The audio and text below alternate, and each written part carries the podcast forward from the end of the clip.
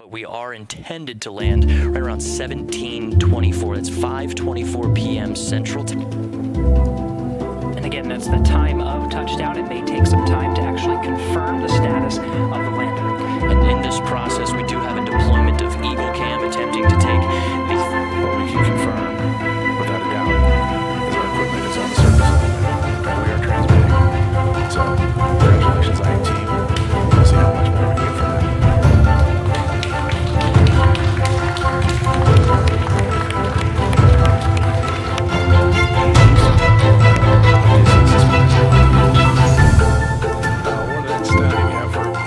we are sitting on the surface and we are transmitting.